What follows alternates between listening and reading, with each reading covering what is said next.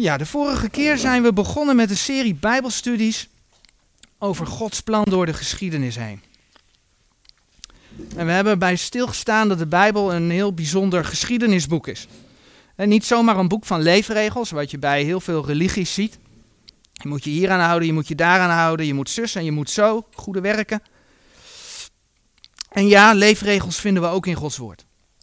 Maar de Bijbel geeft de geschiedenis, Gods geschiedenis vanaf de schepping tot aan de nieuwe hemel en de nieuwe aarde. De Bijbel gaat over het begin, dat God alles schiep, maar ook over het hier en nu, de gemeentetijd, maar ook over nou ja, waar wij leven, het laatste stukje van de gemeentetijd. En de Bijbel gaat over de toekomst. En we hebben gezien dat Gods woord de waarheid is. Dat het profetische woord zeer vast is. Als uh, illustratie hebben we gezien dat er meer dan 48 profetieën zijn over de eerste komst van de Heer Jezus en dat die allemaal letterlijk in vervulling zijn gegaan. Menselijkerwijs zou, gesproken zou dat onmogelijk zijn. En toch is het gebeurd. En dat is het bewijs, zegt Gods woord zelf, dat zijn woord ook echt is. Dat zijn woord de waarheid is. de Heer die uh, roept ons in Jezaja op een gegeven moment op en die woorden gebruikt hij echt. Dat hij zegt dat wij mogen laten zien dat wij goden zijn. Door de toekomst te voorzeggen. Maar wat blijkt, wij mensen kunnen dat niet. Er is maar één God. Hij heeft de geschiedenis in zijn hand. En hij heeft zijn woord gegeven met daarin zijn plan. En dat komt tot op de letter uit. De mens die niet naar God wil luisteren, die maakt dan zijn eigen theorie, hè, de evolutietheorie. Een sprookje dat niet waar is. De natuurwetten bewijzen de onmogelijkheid van deze theorie. Maar tevens laten fossielen bijvoorbeeld zien dat er helemaal geen overgangsvormen zijn. Maar ja, als je niet in God wilt geloven, dan moet je natuurlijk wat. De mens van nature gelooft liever in de leugen. En wat mogen wij dan blij zijn dat we de waarheid kennen. En dat we een boek, de Bijbel hebben, het woord van God, dat we gewoon helemaal kunnen vertrouwen. Omdat het echt waar is.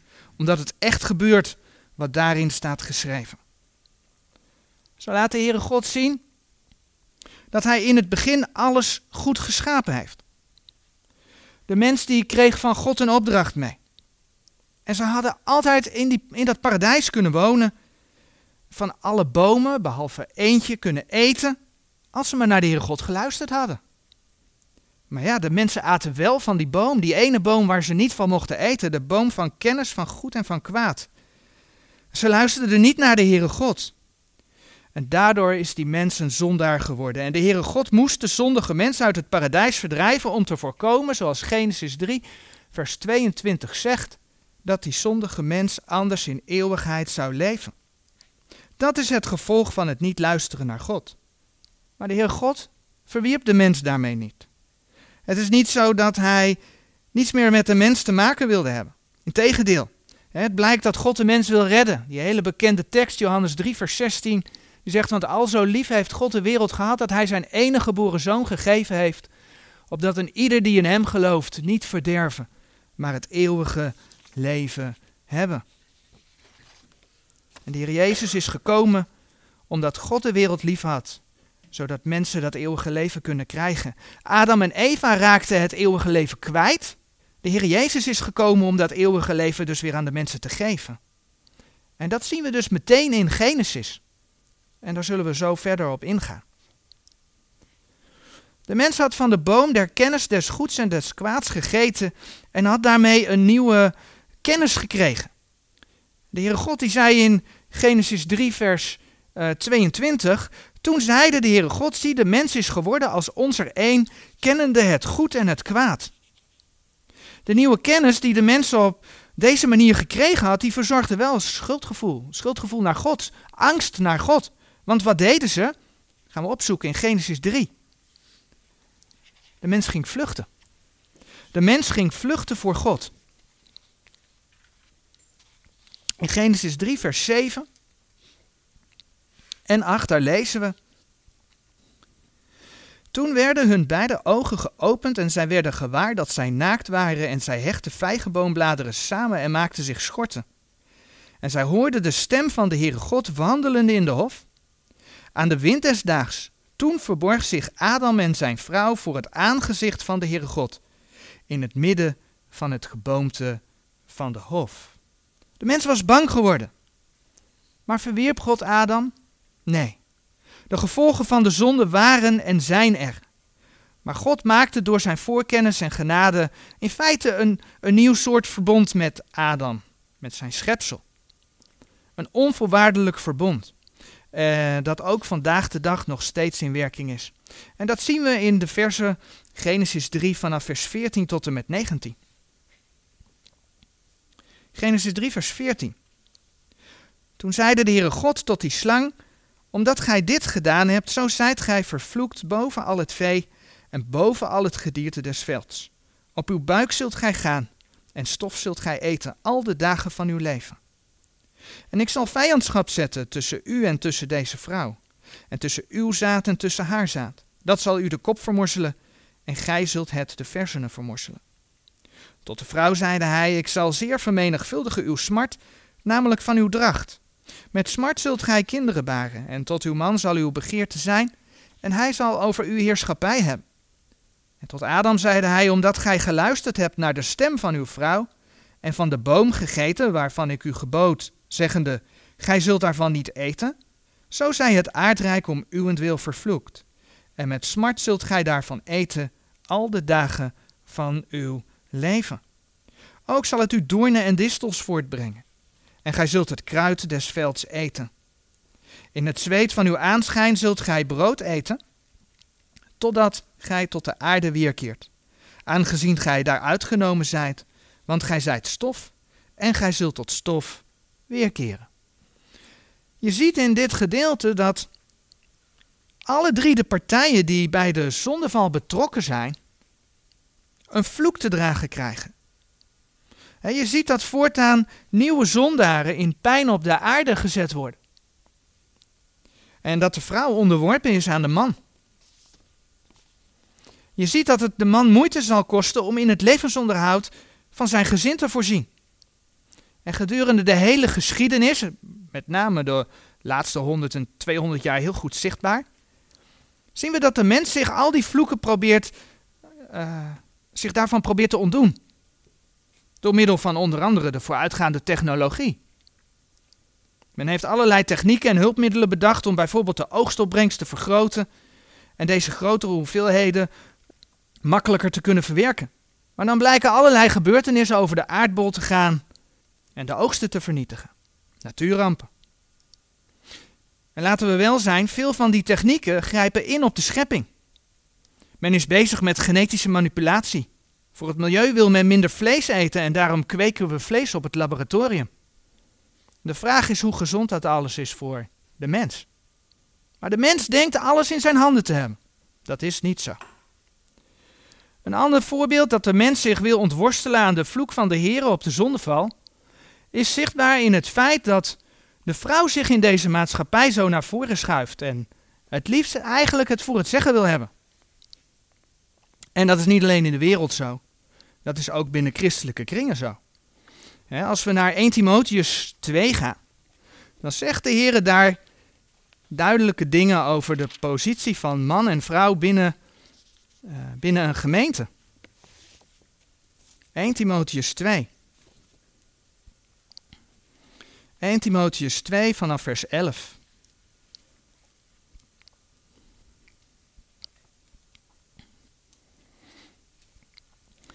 En daar staat dan geschreven: Een vrouw laten zich leren in stilheid, in alle onderdanigheid. Doch ik laat de vrouw niet toe dat zij leert, nog over de man heerst, maar wil dat zij in stilheid is. Want Adam is eerst gemaakt, daarna Eva. En Adam is niet verleid geworden, maar de vrouw verleid zijnde is in overtreding geweest. Dit heeft dus alles te maken met de zondeval in Genesis 3. Hier staat heel duidelijk dat Adam niet verleid is geworden, maar Eva wel.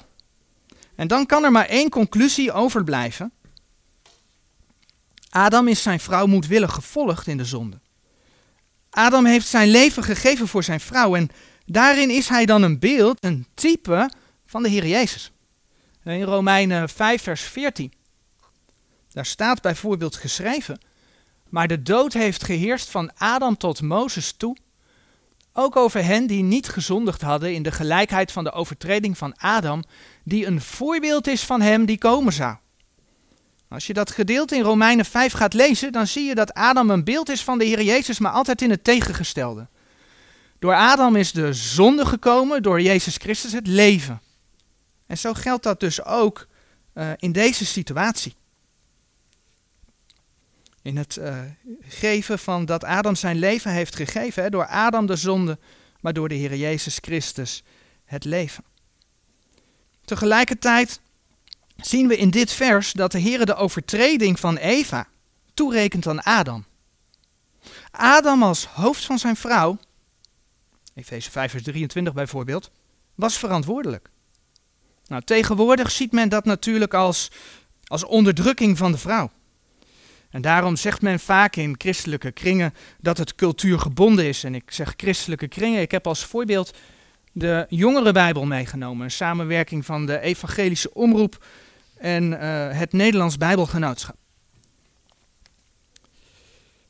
Dus het is cultuurgebonden en ja, daar hoef je je dan niet aan te houden. En daar ontstaan hele theorieën omheen.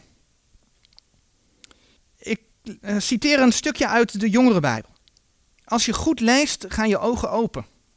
Dan zie je dat het juist vrouwen waren die op cruciale momenten in het Oude en Nieuwe Testament opduiken. De verhalen willen vaak zeggen: God brengt de vastgelopen geschiedenis weer op gang.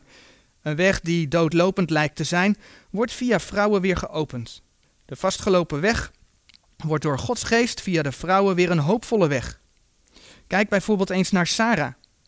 God maakte het onmogelijke mogelijk door haar op haar hoge leeftijd nog een zoon te laten baren. Door de geboorte van Isaac is er weer toekomst voor het volk Israël. De mannen doen op die beslissende momenten niet mee. Tot zover het citaat uit de jongere Bijbel. In dit cita citaat stelt men heel duidelijk dat de mannen niet meedoen en dat Gods geest via de vrouwen de weg weer opent. Maar daarmee stelt men hier de geboorte van Isaac op één lijn met de geboorte van de Heer Jezus. Want hij is inderdaad door Gods geest in een vrouw verwekt, zonder dat daar een aardse man aan te pas kwam. Kijk maar in Matthäus 1, vers 18. Als voorbeeld. Maar van de geboorte van Isaac staat heel wat anders geschreven. Isaac was niet de zoon van God. Isaac was niet geboren uit de Heilige Geest. Weliswaar heeft God het mogelijk gemaakt dat Sarah op hoge leeftijd nog een zoon behaarde, maar het was wel een zoon van Abraham. En wanneer Abraham tot de Heer zegt dat hij geen zaad heeft, dus zonder kinderen is, en dat zijn knecht erfgenaam zal worden, in Genesis 15, vers 2 en 3 zegt hij dat tegen de Heer. En dan antwoordt de Heer hem het volgende in Genesis 15, vers 4 eh, en 5. Genesis 15, vers 4. Genesis 15, vers 4 en 5. Daar, daar zegt de Heer dan tegen Abraham: En ziet, het woord des Heeren was tot hem, zeggende: Deze zal uw erfgenaam niet zijn, maar die uit uw lichaam voortkomen zal, die zal uw erfgenaam zijn. Toen leidde hij hem uit naar buiten en zeide: Zie nu op naar de hemel en tel de sterren, indien gij ze tellen kunt. En hij zeide tot hem, zo zal uw zaad zijn. Hier lezen we dat God over de, wat God over de situatie zegt. Inderdaad heeft God een wonder gedaan. Maar dat deed hij door Abraham en Sarah heen. Abraham deed volop mee. De jongere Bijbel hè, en de zogenaamde wetenschap die daar dan achter zit, die roepen fabels in het leven om uiteindelijk zover te komen dat men ook zegt dat vrouwen moeten kunnen spreken. Op een andere plaats zegt men in de jongere Bijbel, en ik citeer weer een klein stukje: Moeten vrouwen zwijgen in de gemeente? Dat is een goede vraag. Als je Paulus goed leest, is dat wel wat er staat. Maar tegenwoordig kun je op de meeste plaatsen met zulke teksten niet meer aankomen. Gelukkig zegt Paulus ook wel eens wat anders. In Galaten 3, vers 28 zegt hij dat mannen en vrouwen één zijn in Christus. Daarmee wordt de gelijke positie van man en vrouw aangegeven. Tot zover dit citaat. En dan plak ik er nog even een ander citaat aan vast. De mannelijke leerlingen zijn nergens te bekennen. Het zijn vrouwen die tot het laatst bij Jezus blijven en even later het eerst bij zijn graf zijn. Als er over de dood en opstanding van Jezus verteld moet worden, wie hebben, vind jij, dan het meeste recht van spreken? Die afwezige mannen of die aanwezige vrouwen? Tot zover het citaat. In dat eerste stukje haalt men Galaten 3 vers 28 aan. Als je die tekst gaat opzoeken, dan zie je dat die tekst gaat over de wedergeboorte. Over uh, knecht en vrije die in Christus zijn. Over man en vrouw die in Christus zijn. Maar wanneer ben je in Christus? In Christus ben je als je wederom geboren bent. En uh, een man is niet meer wederom geboren dan een vrouw. Of een vrouw meer eh, wederom geboren dan een man. Daar is geen verschil. Dus in het lichaam van Christus is geen verschil. Maar dat neemt niet weg dat de Heer in zijn woord mannen en vrouwen een andere taak geeft. Net zo goed als hij ze verschillend geschapen heeft. God geeft mannen en vrouwen een bepaalde rol. En niet omdat de een meer is dan de ander, maar omdat hij het zo bepaald heeft. En dat laatste stukje, eh, dat tweede citaat wat ik net voorlas, dat vraagt op een dusdanige manier dat we eigenlijk gedwongen worden vanuit het thema, het man-vrouw thema, naar de lijdens- en opstandingsgeschiedenis van de Heer Jezus te kijken. En dan wordt min of meer bepaald hoe de lezer zijn mening moet bepalen. Men wil vrouwen naar onze mening, hè, want de vraag is: wat vind jij? Het spreekrecht geven. Het is een mening die lijnrecht ingaat tegen Gods woord. Maar ja, de Bijbel zegt dat het niet van eigen uitlegging is. 2 Petrus 1, vers 20. Het gaat er dus om wat God ons zegt. Of we het nu aardig of niet aardig vinden klinken. En de Heere God wil dus, hebben we gelezen in 1 Timotheus 2, niet dat de vrouw leert. En de reden daarvoor voert blijkbaar terug op de zondeval. God geeft daar zelfs een reden voor. Zo zien we dat de Heere apostelen aanstelde, die als ooggetuigen moesten gaan vertellen over de opstanding van de Heer Jezus. Apostelen waren ook mannen, handelingen 1 vers 21 en 22. Nou, er is een ander gedeelte in Gods woord, 1 Korinthe 14, vers 34 en 35, wat daar ook over gaat. En op grond van dat gedeelte zou men kunnen denken dat de vrouw helemaal niet mag spreken, helemaal haar mond niet mag open doen en moet zwijgen. Laatst kreeg ik van iemand daar een artikel over te lezen. En die gingen, uh, die gingen stellen dat de vrouw dus letterlijk moest zwijgen. En dus bijvoorbeeld ook geen lied mocht opgeven in de gemeente. En ja, in 1 Korinthe 14, vers 34 staat dat uw vrouwen in de gemeente zwijgen, want het is u niet toegelaten te spreken, maar bevolen onderworpen te zijn, gelijk ook de wet zegt. Het is van belang dat we Gods woord op een bijbelse manier uitleggen. En dat houdt in dat we schrift met schrift vergelijken. En vaak betekent dat ook dat we de context moeten lezen. En een, een voorbeeld is bijvoorbeeld de gelijkenis van het mosterdzaad. Uh, en die vinden we bijvoorbeeld in Lucas, Lucas 13, vers 19.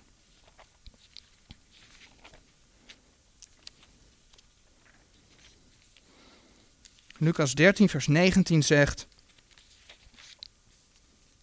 en dat gaat dan over het koninkrijk Gods. Het is gelijk aan een mosterdzaad dat een mens genomen en in zijn hof geworpen heeft, en het wies op en werd tot een grote boom en de vogelen des hemels nestelden in zijn takken. Ik heb voorgangers met droge ogen horen beweren dat het hier ging om de gemeente die zo groot werd dat al de gelovigen daar een plekje in vonden. Iedereen heeft daar zijn eigen tak en kon zich daar lekker nestelen. Maar wie zijn de vogelen des hemels? Als we in Matthäus 13, vers 19 kijken, dan zien we dat dat de boze is. Als we in Lucas 8, vers 12 kijken, dan zien we dat de vogelen des hemels de duivel, de duivel is. En zo legt de Heer de gelijkenissen zelf uit. Met andere woorden, daar waar de gemeente van Jezus Christus gegroeid is, daar zien we, en de geschiedenis getuigt daarvan, dat de boze zich daarbinnen probeert te nestelen om het woord van God tegen te houden, om het woord van God weg te halen. En kijk naar alle stromingen die er ontstaan zijn, uiteindelijk omdat men Gods woord verwerpt. De boze heeft zich tussen genesteld en probeert om het woord stil te maken, stil te houden. En dat is een hele andere uitleg dan dat de christenen allemaal een lekker plekje vinden en ja, dat eerste dat is natuurlijk leuk om te preken. Maar het is niet Gods woord. En daarom moeten we schrift met schrift vergelijken. En dat laat de juiste Bijbelse uitleg zien. En dan willen ze tegenwoordig naar zo'n woordje in het Grieks en Hebreeuws gaan duiken. En dan gaan ze de tekst veranderen. Nee, het gaat om schrift met schrift vergelijken. En zo is het ook met het thema van het spreken van de vrouw. 1 Korinthe 14, vers 34 lijkt dan te zeggen dat de vrouw moet zwijgen. Want het is u niet toegelaten te spreken. Ik denk dat dat woord spreken al voldoende zegt, maar goed. Maar 1 Timotheus 2, vers 11 tot en met 14 laat hij heel duidelijk zien dat God niet wil dat de vrouw de man leert en dat zij daarom stil moet zijn. En dat is natuurlijk heel wat anders dan dat een vrouw bijvoorbeeld geen lied zou mogen opgeven.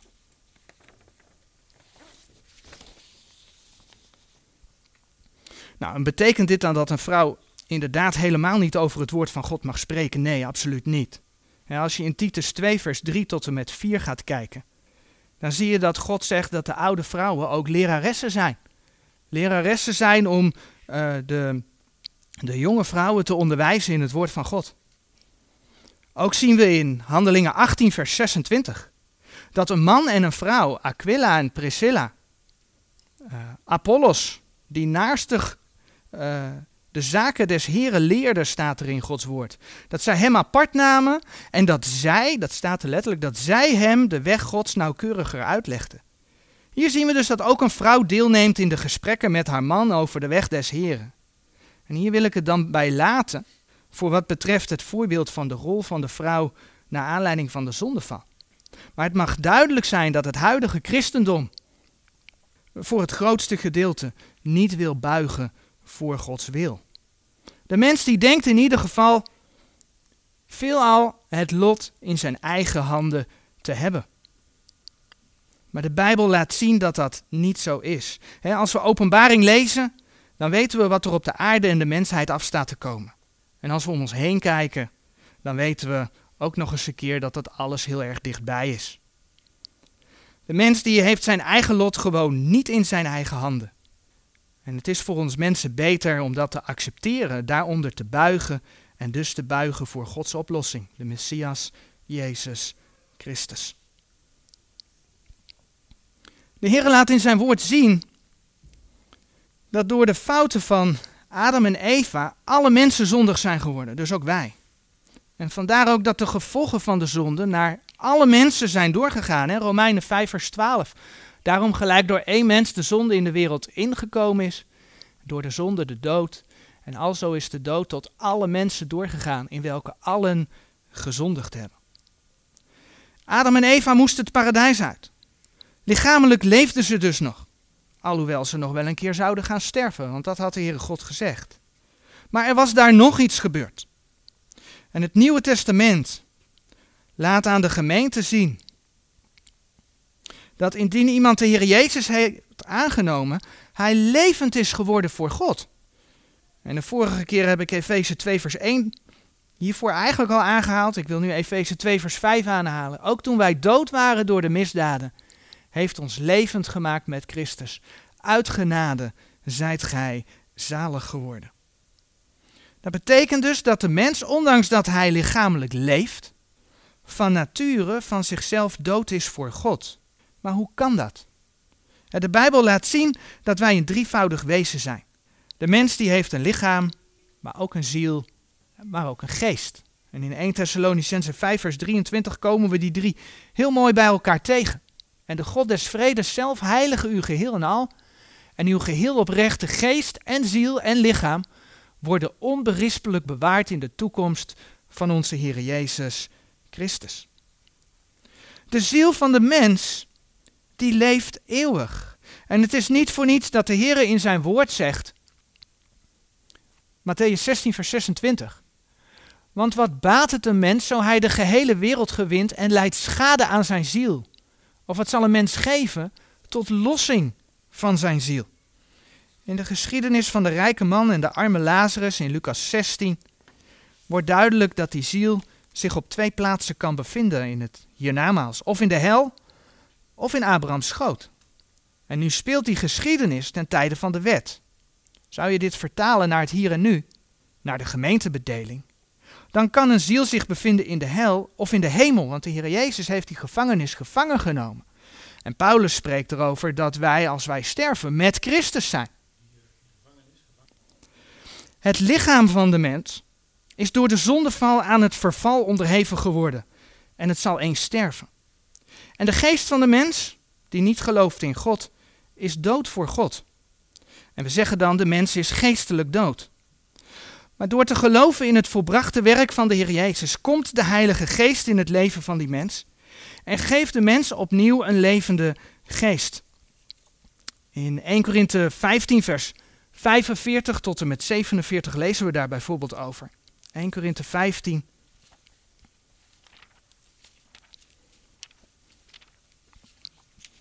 Vers 45.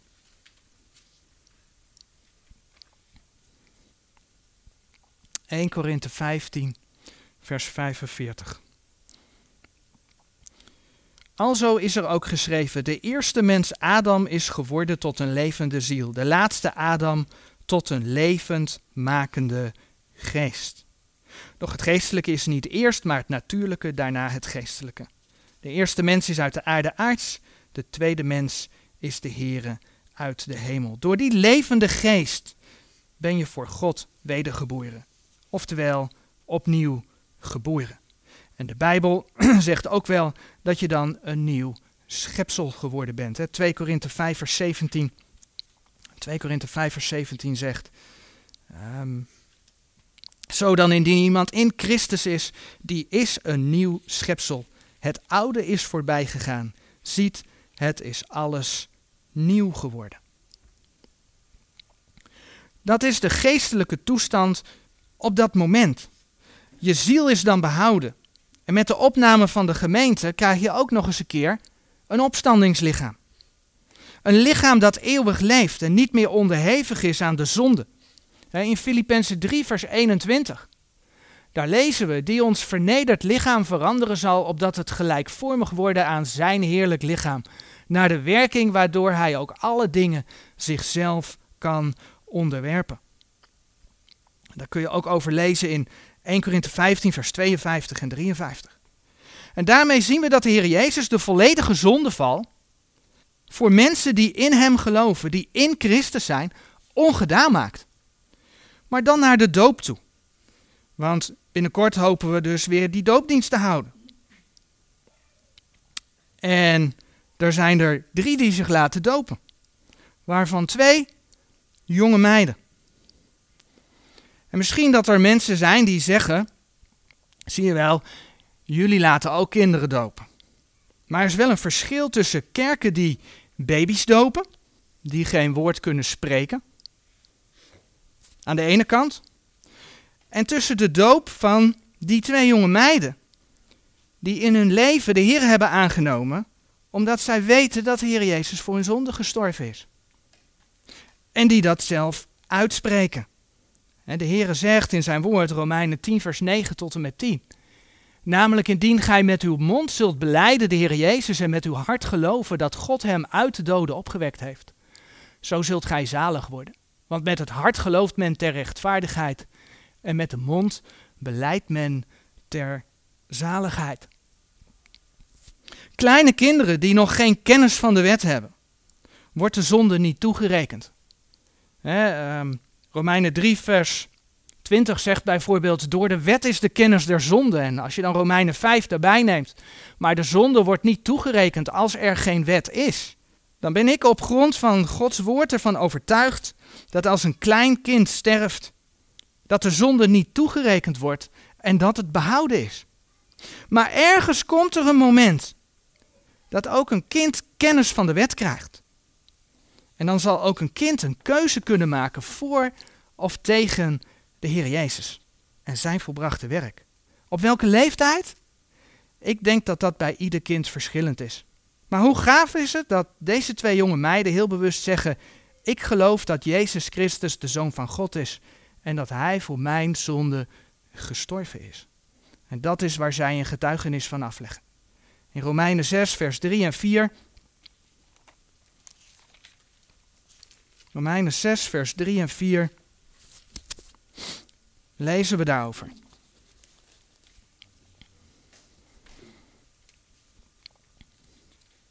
Of weet gij niet dat zoveel als wij in Jezus Christus gedoopt zijn, wij in zijn dood gedoopt zijn? Wij zijn dan met hem begraven door de doop in de dood, opdat gelijk Christus uit de doden opgewekt is tot de heerlijkheid des Vaders, alzo ook wij in nieuwheid des levens wandelen zouden. Heel vaak wordt deze teksten betrokken op de waterdoop zelf. Maar deze teksten spreken over het in Christus zijn. En hoe kom je in Christus? Nou, niet door je te laten onderdompelen in water, maar door je leven aan de Heer te geven. En in 1 Korinthe 12, vers 13 staat dan zo mooi dat de Heilige Geest je in het lichaam van de Heer Jezus doopt. Dus als een mens tot geloof komt, word je in het lichaam van de Heer Jezus gedoopt. En daar gaat Romeinen 6, vers 3 en 4 over. Maar die waterdoop is daar wel een heel mooi getuigenis van. Want je getuigt doordat je laat zien dat je met Christus gestorven en begraven bent, want je gaat onder in het watergraf. En dat je met Hem bent opgestaan in het nieuwe leven. je staat op uit het watergraf. Dus je getuigt van hetgeen er geestelijk met jou gebeurd is. En dan zijn er misschien mensen die zeggen ze zijn nog zo jong. Ze hebben nog een heel leven voor zich. Is het wel verstandig om nu al te dopen? Dan is het goed om te weten dat wij hier op aarde nooit perfect zullen zijn. Denk aan de apostel Paulus. In Handelingen 9 komt hij tot geloof. Op zijn weg naar Damascus. Hij wordt verblind. En dan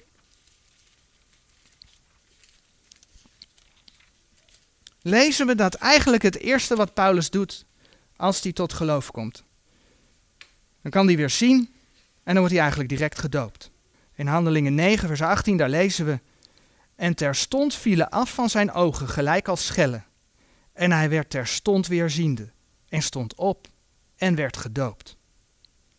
Paulus hoefde niet zichzelf eerst te bewijzen dat hij een goed christen was. In zijn leven daarna kwam ook bij hem de strijd naar voren. Hij maakte strijd in zijn leven mee. Romeinen 7, vers 13 tot en met 26. Zo zegt uh, vers 21 uit dat gedeelte bijvoorbeeld. Zo vind ik dan deze wet in mij.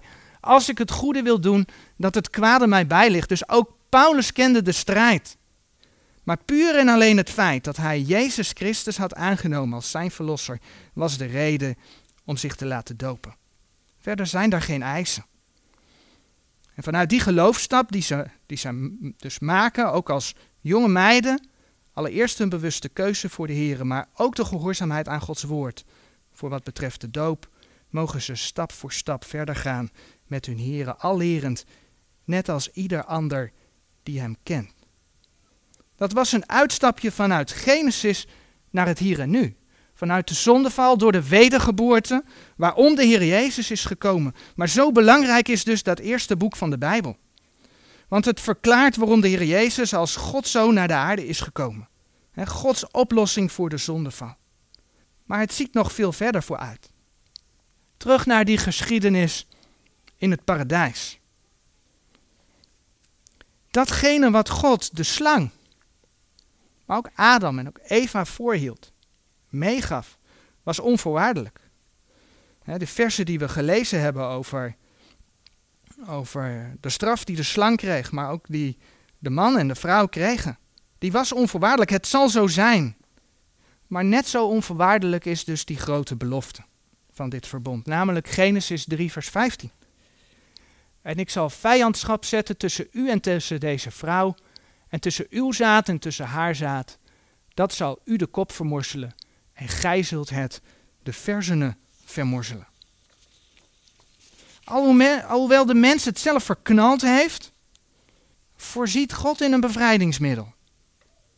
De belofte die in eerste instantie aan de slang gericht was, houdt in dat het zaad van de vrouw de kop van de slang zal vermorzelen. Het zaad van de vrouw is in vervulling gegaan in de Heer Jezus. Hij was het zaad dat mensen het leven heeft gegeven. In Galaten 3, vers 16 lezen we bijvoorbeeld: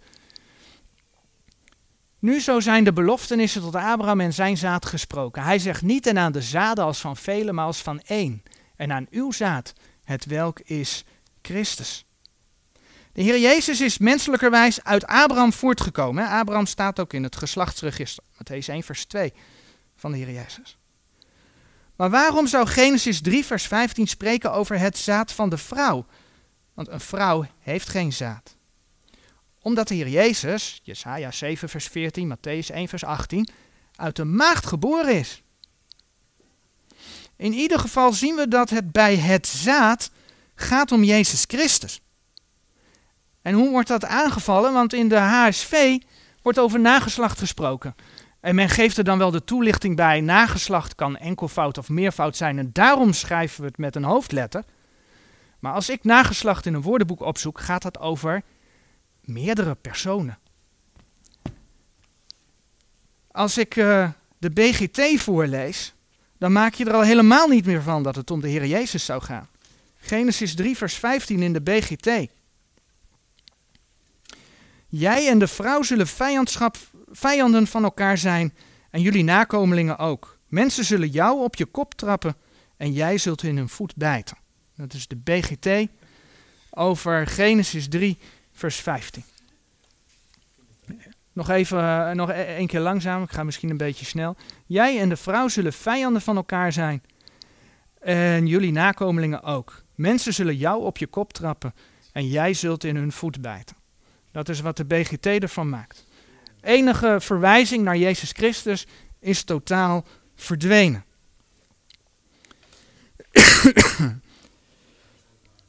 ja. De duivel die wordt in Gods woord de oude slang genoemd, hè? openbaring 12 vers 9. En de grote draak is geworpen, namelijk de oude slang, welke genaamd wordt duivel en satanas. Daar waar het zaad van de slang de hiel van het zaad van de vrouw zal vermorselen, daar wordt door het zaad van de vrouw de kop van de slang vermosseld. Je zou kunnen zeggen, Jezus Christus werd slechts verwond. Ja, hij stierf de dood, maar hij stond weer op. Maar de duivel zal volledig uitgeschakeld worden. Zijn kop wordt vermorzeld. Er zijn mensen die zeggen dat de Heer Jezus op Golgotha heeft afgerekend met de vijand. Uh, ik citeer een klein stukje uit het werk van Calvijn. En die schrijft: Calvijn is een van de kerkvaders, om het maar zo te zeggen. Hij geeft dus eenvoudig aan dat God zijn vijanden door zijn kracht heeft vernietigd. Dat gebeurde in Christus op volmaaktere wijze dan ooit tevoren. Hij heeft niet alleen de Satan, de zonde en de dood, ja zelfs heel de hel verslagen en vernietigd. Bovendien maakt hij dag aan dag van opstandige mensen een volk voor hem, gewillig en gehoorzaam. Enerzijds doet hij dat door de opstandigheid en de dwaasheid van ons vlees te temmen door zijn woord. Anderzijds doet hij dat door zijn vijanden, dat wil zeggen alle onrechtvaardigen als met ijzeren kettingen ingesloten te houden. Hij dampt hun woede in door zijn kracht, zodat zij slechts kracht hebben voor zover hij hen die geeft. Tot zover het citaat van Calvijn. Maar de Satan is nog niet vernietigd. Hij wordt in Gods woord niet voor niets de God deze eeuw, 2 Korinthe 4 vers 4. Of de God van deze wereld, hè, de King James Version genoemd. Paulus die zegt door de Heer geïnspireerd in Romeinen 16 vers 20. Ik pak het er even bij. In Romeinen 16 vers 20.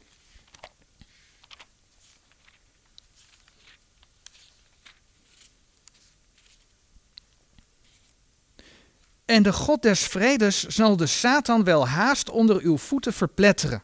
Dat zegt hij dus tegen de gemeente. En de God des vredes zal de Satan wel haast onder uw voeten verpletteren. De genade van onze Heer Jezus Christus zij met u. Amen.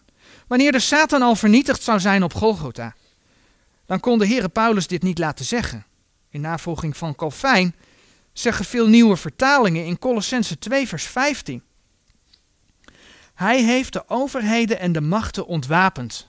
Dat komt uit de HSV. Maar ook de NBG 51 en de BGT hebben dit.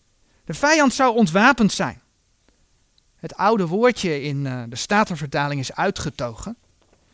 En ja, dat moet wel wat anders betekenen. Want de vijanden zijn nog niet gebonden. we hebben niet voor niets van de Heer de geestelijke wapenrusting gekregen tegen de geestelijke boosheden in de lucht. Efeze 6, vers 12. En pas in het duizendjarig vrederijk zal de Satan voor het eerst voor duizend jaar gebonden zijn. Openbaring 20, vers 2. En zo zien we dat Gods woord laat zien dat er een tijd komt dat er inderdaad definitief afgerekend wordt met het zaad van de slang. In 2 Thessalonicense 2 vers 8 daar lezen we bijvoorbeeld over de antichrist het volgende. 2 Thessalonicense 2 vers 8.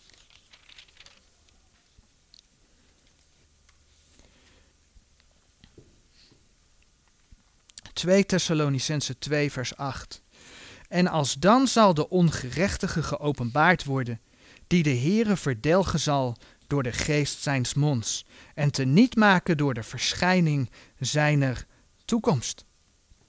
Wanneer de Heer Jezus terugkomt, dat is dus voor het duizendjarig vrederijk, want dan komt hij om, dat, om zijn koninkrijk op te richten. Dan wordt er dus met de antichrist afgerekend, hè, in openbaring 19 vers 20 die laat dat ook heel mooi zien. Openbaring 19, vers 20. En het beest werd gegrepen en met hem de valse profeet, die de teken in de tegenwoordigheid van hem gedaan had, waardoor hij verleid had, die het merkteken van het beest ontvangen hadden en die zijn beeld aanbaden. Deze twee zijn levend geworpen in de poel des vuurs, die met zilver brandt. Maar met de duivel zelf zal ook afgerekend worden maar pas na het duizendjarig vrederijk. In openbaring 20, de eerste verse, wordt beschreven hoe de duivel gebonden wordt, hoe dat duizendjarig vrederijk er komt. Dan wordt de duivel op een gegeven moment nog weer een korte tijd losgelaten, vers 7 tot en met 9 van openbaring 20. En dan lezen we in vers 10. En de duivel die hen verleidde, werd geworpen in de poel van vuur en zilver, alwaar het beest en de valse profeet zijn. En zij zullen gepijnigd worden dag en nacht in alle eeuwigheid. Dan pas is er voor eeuwig afgerekend met de duivel. Dan pas is zijn kop vermorseld. En dat klopt volledig met wat er in de brieven aan de gemeente geschreven staat. Want wanneer is er met de dood afgerekend? Als gelovigen zijn we nu al verlost. En mogen we nu al weten het eeuwige leven te hebben. Dat staat in uh, onder andere Efeze 1, vers 14. Maar ons lichaam zal nog wel eens sterven.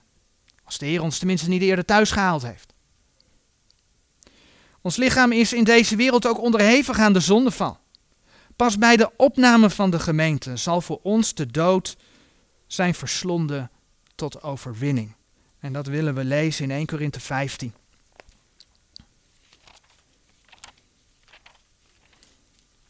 ...1 Korinthe 15.